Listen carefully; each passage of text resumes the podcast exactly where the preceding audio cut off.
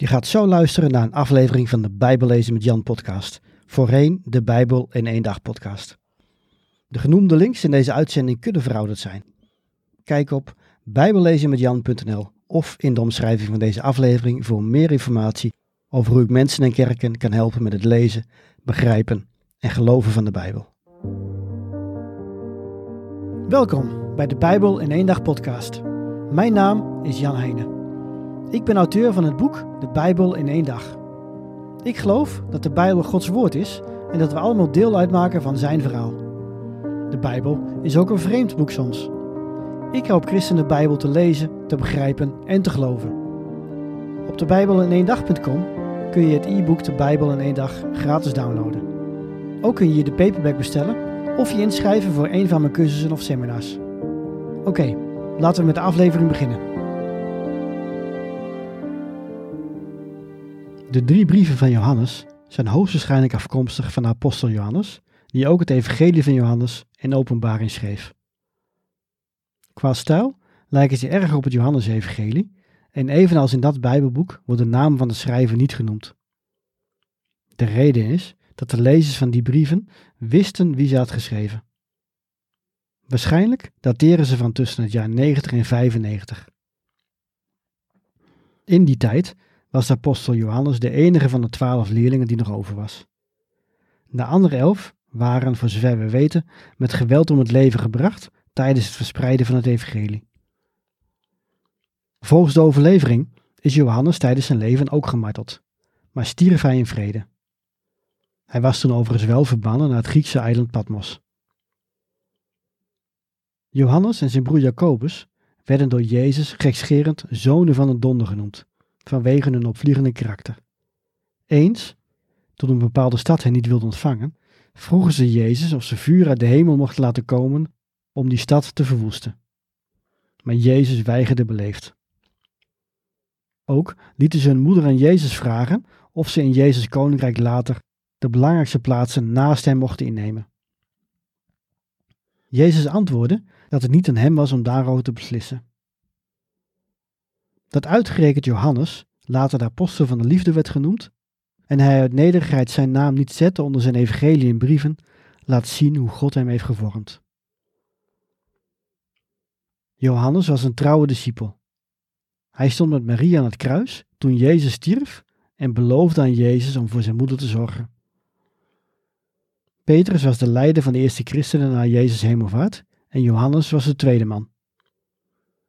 Hij bevond zich waarschijnlijk in Efeze, in Klein-Azië, dat ligt in het huidige Turkije, toen hij zijn evangelie in deze drie brieven schreef aan de christenen in Klein-Azië. 1 Johannes heeft overigens niet de kenmerken van een brief. Er zit geen aanhef aan het begin en geen groet aan het eind. Deze tekst leest meer als een poëtische preek. Daar komen we zo op terug. Maar laten we eerst eens kijken naar 2 en 3 Johannes. Dit zijn wel echte brieven gericht aan specifieke personen bovendien.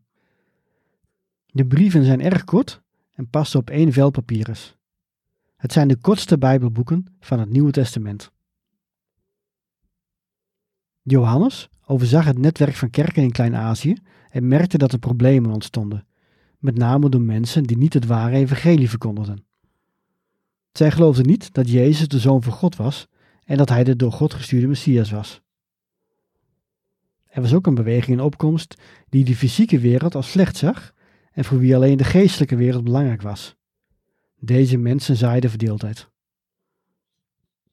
2 en 3 Johannes zijn bedoeld om de wind uit de zeilen te nemen van de verkeerde mensen. 2 Johannes is gericht aan een vrouw die niet met naam wordt genoemd. Vermoedelijk leidt zijn huiskerk en Johannes verwacht dat de verkeerde mensen ook bij haar zullen aankloppen. Hij dringt er bij haar op aan dat zij niet helpt.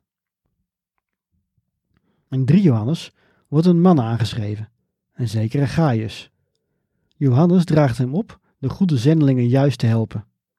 Dit zijn medewerkers van Johannes. Een andere kerkleider, een zekere Diotrephes, wil echter niets met Johannes te maken hebben en evenmin met mensen die dezelfde boodschap als Johannes brengen. Maar Gaius moet Johannes medewerkers juist helpen.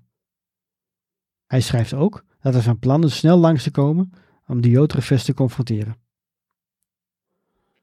Deze twee brieven laten zien met welke conflicten de vroege kerk te maken had en hoe de christenen daarmee moeten omgaan. Eigenlijk is de boodschap hetzelfde als we in de hele Bijbel zien. Wees trouw. Blijf geloven in de waarheid. God is met ons. Dit is uiteraard ook de kern van 1 Johannes. Maar dit Bijbelboek gaat wel een stuk dieper. Het is een prachtige, maar ook uitdagende preek om twee redenen. Ten eerste is Johannes een man van de absoluten. Doe dit, doe dat niet. Als je dit doet, dan dat. Als je dat niet doet, dan gebeurt dit. Waar Paulus' teksten ingewikkeld worden door alle nuances en uitzonderingen, houdt Johannes het simpel. Hij zegt bijvoorbeeld in 1 Johannes 2 dat wij God kennen, weten we doordat we ons aan zijn geboden houden. Wie zegt ik ken hem, maar zich niet aan zijn geboden houdt, is een leugenaar. De waarheid is niet in hem. Dit laat weinig ruimte voor het maken van fouten. Want wie houdt zich 100% aan Gods geboden? Zelfs Johannes niet. Gelukkig, zegt Johannes ook. Kinderen, ik schrijf u dit opdat u niet zondigt. Mocht een van u echter toch zondigen, dan hebben wij een pleitbezorger bij de Vader, Jezus Christus, de rechtvaardige. 1 Johannes 1, vers 2. In de rest van de Bijbel, en zeker ook in het Evangelie van Johannes, zien we dat mensen fouten maken en toch worden ze aangenomen door God. Johannes kan dus niet bedoelen dat een christen nooit kan zondigen. Wat hij wel doet, is het toepassen van een schrijverstechniek. Door alles zwart-wit op te schrijven, zet hij de lezer op scherp. De andere reden dat de eerste brief van Johannes zo uitdagend is, is dat deze preek niet lineair is opgebouwd. Hij gaat dus niet van punt A naar punt B naar punt C. Hij redeneert in cirkels. Hij gaat naar punt A, naar punt B, naar punt C en weer terug naar A, maar ditmaal belicht hij een ander aspect van punt A. Hetzelfde met B en C en dan keert hij weer terug naar A. De introductie van 1 Johannes lijkt erg op de opening van het Johannesevangelie. Ook hier heeft Johannes het over het woord van God, dat hij in levende lijven heeft gezien. Met het woord van God bedoelt hij Jezus, maar voor hem zijn God en Jezus één. Zie het als twee kanten van een medaille. Johannes spreekt in de wij-vorm. Wij, de apostelen, verkondigen de boodschap aan u. U zijn alle mensen die Christus ook volgen. Door Gods woord te horen zijn ze verbonden met God. Het eerste punt dat Johannes naar voren brengt is dat God licht is. Er is in hem geen spoor van duisternis. Daarom moeten wij wandelen in het licht. Dat betekent dicht bij God leven en doen wat Hij van ons verlangt. Of iets strenger gezegd, hou je aan Jezus geboden. Welke zijn dat? De belangrijkste is in ieder geval het gebod dat Jezus gaf tijdens het laatste avondmaal met zijn leerlingen. Dat ze elkaar lief hebben zoals Hij hen lief heeft. Natuurlijk schieten we tekort, maar daar hoeven we niet bang voor te zijn. Want Jezus heeft voor al onze zonden betaald. Dat neemt niet weg dat wij naar moeten streven om een heilig leven te leiden. Of, in de woorden van Johannes, een leven in het licht. Je leidt een leven in het licht als je de ander lief hebt. De zonde en het kwaad zijn al overwonnen. Dus we kunnen ook leven zoals God dit wil. Mits je de wereld niet lief hebt. Volg de weg van Jezus, niet de weg van de wereld, zegt Johannes dan ook. Op de weg van de wereld zijn mensen jaloers en zelfzuchtig. Ze buiten anderen uit om er zelf beter van te worden. Het gaat hier vooral om trots en seksuele uitspattingen. Doe dit niet, want dit alles gaat voorbij. Wie Gods wil doet, blijft tot in eeuwigheid. Er volgen in Johannes' brief ook nog stevige waarschuwingen voor de mensen die juist Jezus niet meer volgen. Johannes noemt hen antichristenen. Ze deden zich voor als volgelingen van Jezus, maar bleken dat niet te zijn. Ze waren nooit oprecht in hun geloof. Maar wie zich aan de waarheid houdt en Jezus oprecht volgt, is een kind van God en kan niet verloren gaan. Johannes komt bij zijn tweede belangrijke boodschap aan over wie God is. God is liefde. Dit betekent dat wij, Gods kinderen, elkaar moeten liefhebben en elkaar niet mogen haten. Wat liefde is, hebben we geleerd van Jezus zelf. Hij gaf het voorbeeld door zijn leven te geven voor ons. Wij mogen ons hart niet sluiten voor een broeder of zuster die gebrek lijdt. De apostel waarschuwt zijn lezers opnieuw voor de mensen die de waarheid verdraaien. Hij noemt ze nu valse profeten. Ze claimen namens God te spreken, maar als hun boodschap niet overeenkomt met wat de Bijbel zegt over Jezus, dan zijn ze geen echte profeten. Ware christenen houden zich aan de waarheid, namelijk dat God ons lief heeft en dat Hij zijn Zoon heeft gestuurd om voor onze zonden te betalen. Deze onzelfzuchtige liefde moeten wij ook laten zien. Als we bovendien Gods liefde voor ons zien, weten we ook dat we niet bang hoeven te zijn voor deze God. Er is geen straf. Als wij geloven dat Jezus de Christus is, zijn wij uit God geboren. En wie uit God geboren is, overwint de wereld. Hij heeft ons lief, wij hebben hem lief.